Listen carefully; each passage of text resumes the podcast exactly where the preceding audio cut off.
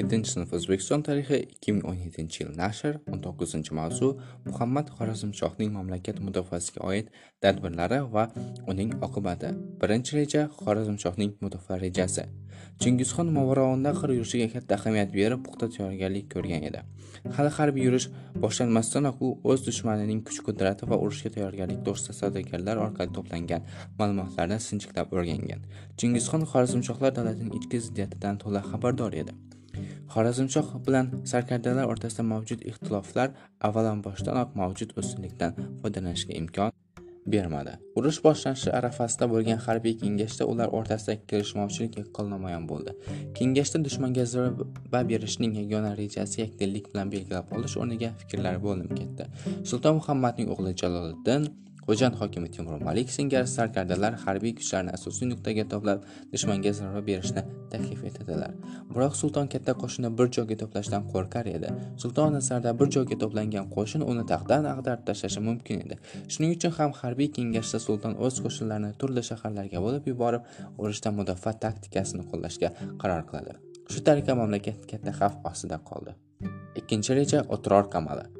1219 yilning kuzida Chingizxon Xorazmshohga qarshi yurish boshlaydi.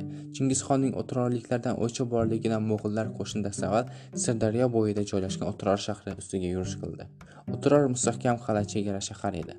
Qal'a noibi G'oyirxon Inovchuk va sarkarda Qoracha Hojib boshchiligida mo'g'ullarga qarshi jang qiladi Manbalarga ko'ra O'tiror qamali besh oy davom etgan. O'tiror mudofaasining eng og'ir paytida Qoracha Hojib o'z qo'shini bilan shahar darvozasidan chiqib mo'g'ullarga taslim bo'lgan. Biroq xiyonatkorlarni mo'g'ullar ham kechirmagan. Ular Qoracha Hojib va uning askarlarini qatl etishgan. G'oyirxon o'zini Chingizxon savdogarlari va savdo sarbonlarni o'ldirishda aybdor his qilib, so'nggi nafasgacha dushmanga qarshi kurashdi. U boshliq mudofaachilar bir qismi O'tiror arkiga joylashib olib, mudofaani yana bir oygacha davom ettiradilar. G'oyirxon qurshovga olinib, asirga tushiriladi va Samarqandga olib borib qiynab o'ldiriladi. Uchinchi reja Buxoro fojiasi. 1220 yilning fevralida Chingizxon Buxoro ustiga qo'shin tashladi. Shu yilning 16 fevralida mo'g'ullar tomonidan Buxoro to'liq egallanib, talon-taroj etiladi. Shahar ichida jang to'xtamadi. Ark qamal 12 kun davom etdi. Buxoro dushman kuchini qaytarishga tayyor emas edi. Behisob xazinalar talandi, asrlik qo'lyozma asarlar, muqaddas kitoblar yirtilib, gulxanga uloqtiriladi. ilm va ma'rifat egalari bo'lgan ulamolar va shayxlar mo'g'ul jangchilariga xizmatkor qilib beriladi. Chingizxon amri bilan buxoro yoqib yuboriladi. To'rtinchi reja samarqand jangi.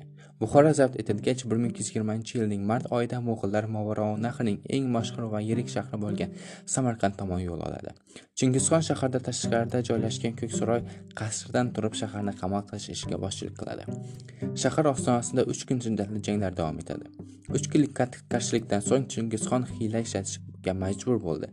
Qahli qo'shinlariga u shaharda olingach omonlik va'da qildi. Ular taslim bo'lib shahar talangach 30 minglik qanqli qo'shin qolgan himoyachilari ham qirib tashlanadi samarqand mo'g'ullar tomonidan egallangach buxoro kabi vayron etilib yoqib yuboriladi 5 reja temur Malik jasorati. Xo'jand shahri Sirdaryo ikkiga ayrilgan yerda joylashgan edi. Uning tabiiy joylashishi hamda shahar hokimi temur Malikning qahramonligi bilan xo'jandliklar mo'g'illarga kutilmagan qarshilikni ko'rsatadilar. Xo'jand shahri himoyachilari temur Malik boshchiligida qariyb bir oy davomida o'z shahrini mudofaa qiladilar. Oxiri ilojsiz qolganda o't ichida qolgan shahar qal'asini ming nafarga yaqin bahodir tark etib, Temur Malik bilan Sirdaryo o'rtasidagi orolda joylashib olib, dushman bilan mardlarcha olishdilar. Nihoyat maxsus kemalar yasab, daryo oqim bo'ylab Xorazm tomon suzib ketdilar. Yo'l-yo'lakay dushman bilan jang qildilar. Xalq qahramoni Temur Malikning bunday keyingi vatanparvarlik jasorati Xorazm va ona yurtining boshqa hududlarini himoya qiluvchi sifatida kechdi.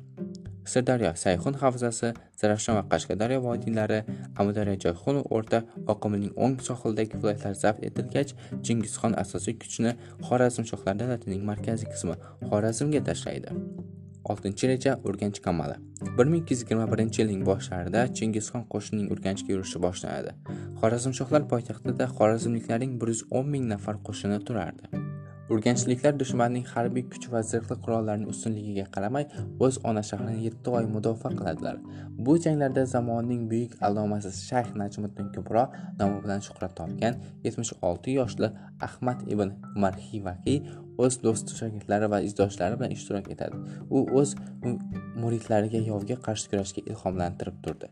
Najmiddin kubro iltijo bilan yo vatan yo sharofatli o'lim deb aytgan kitobi rahnamoligida har bir mahalla ko'cha ko'y guzar orasida masjid madrasa va har bir xonadon janggohga aylanadi. Ko'cha janglarda minglab mo'g'ul askarlari halok bo'ldi. Mo'g'ullar to shu paytgacha movarounnahrining hech bir shahrida bunchalik qurbon bermagan edilar. Chingizxon najmiddin kubroga ahli ayollari barcha yoru do'stlari bilan shahar tashqarisiga chiqib jon saqlashni taklif etgan. Ammo shayx chingizxon taklifini rad qilib shu tuproqda tug'ilibmiz shu tuproqda o'lamiz degan ekan. Oqibat son jihatdan teng bo'lmagan dushman bilan olib borilgan shiddatli jangda og'ir yaralangan najmiddin kubro o'lim oldida tig' tutgan mo'g'ul sarboziga tashlanib qahramonlarcha halok bo'ladi. Jangchi mo'g'ullar jonsiz shayx qo'lidan bayroqni tortib ololmaydilar. Mo'g'ullar hiyla ishlatib ham ko'rdilar. Bir cho'ponga yuz bir yuz ellik qo'y. Echki berib shahar darvozasi yonidan haydab o'tishni buyuradilar. O'zlari pistirmada turadilar. Och qolgan holda darvozadan chiqib suruv ketidan quvib ketadilar. Shahardan ancha uzoqlashib qolganlarida mo'g'ullar ularga hujum qiladilar. Ko'plab odamlar qatl etildi. Mo'g'illar qolgan aholini quvib kelib shaharga kirib jang qiladilar. Biroq shahar himoyachilari mo'g'ullarni shahardan haydab chiqarishga muvaffaq bo'ladilar.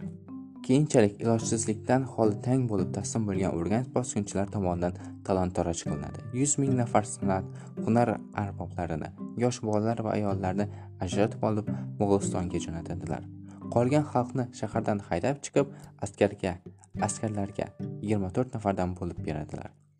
Mo'g'ul jangchilari yuz ming nafardan ziyod edi. Shaharning bosh ihota to'g'oni buzib yuborildi urganchni suv bosib vayron bo'ladi. Najmiddin kubro 1145-1221 ulug' shayx tasavvufning taniqli vakillaridan biri kubroviylik tariqatining asoschisi uning taxallusi dinning ulug' yulduzi ma'nosini beradi. Kubroning karomat ko'rsatish voqealarni oldidan bilishi o'tkir nazari bilan ta'sir eta olishi xislatiga ega inson bo'lganligi haqida rivoyatlar tarqalgan. Keksa shayx va donishmand insonning mo'g'illarga qarshi jangdagi qahramonligi jasorati avlodlarga ibrat bo'lib qoldi. Kubro shaxsi va uning merosi o'zbekiston mustaqillik tufayli o'rganila boshlandi. 1995 yilda o'zbekistonda najmiddin kubro davlatining 850 yilligi nishonlandi.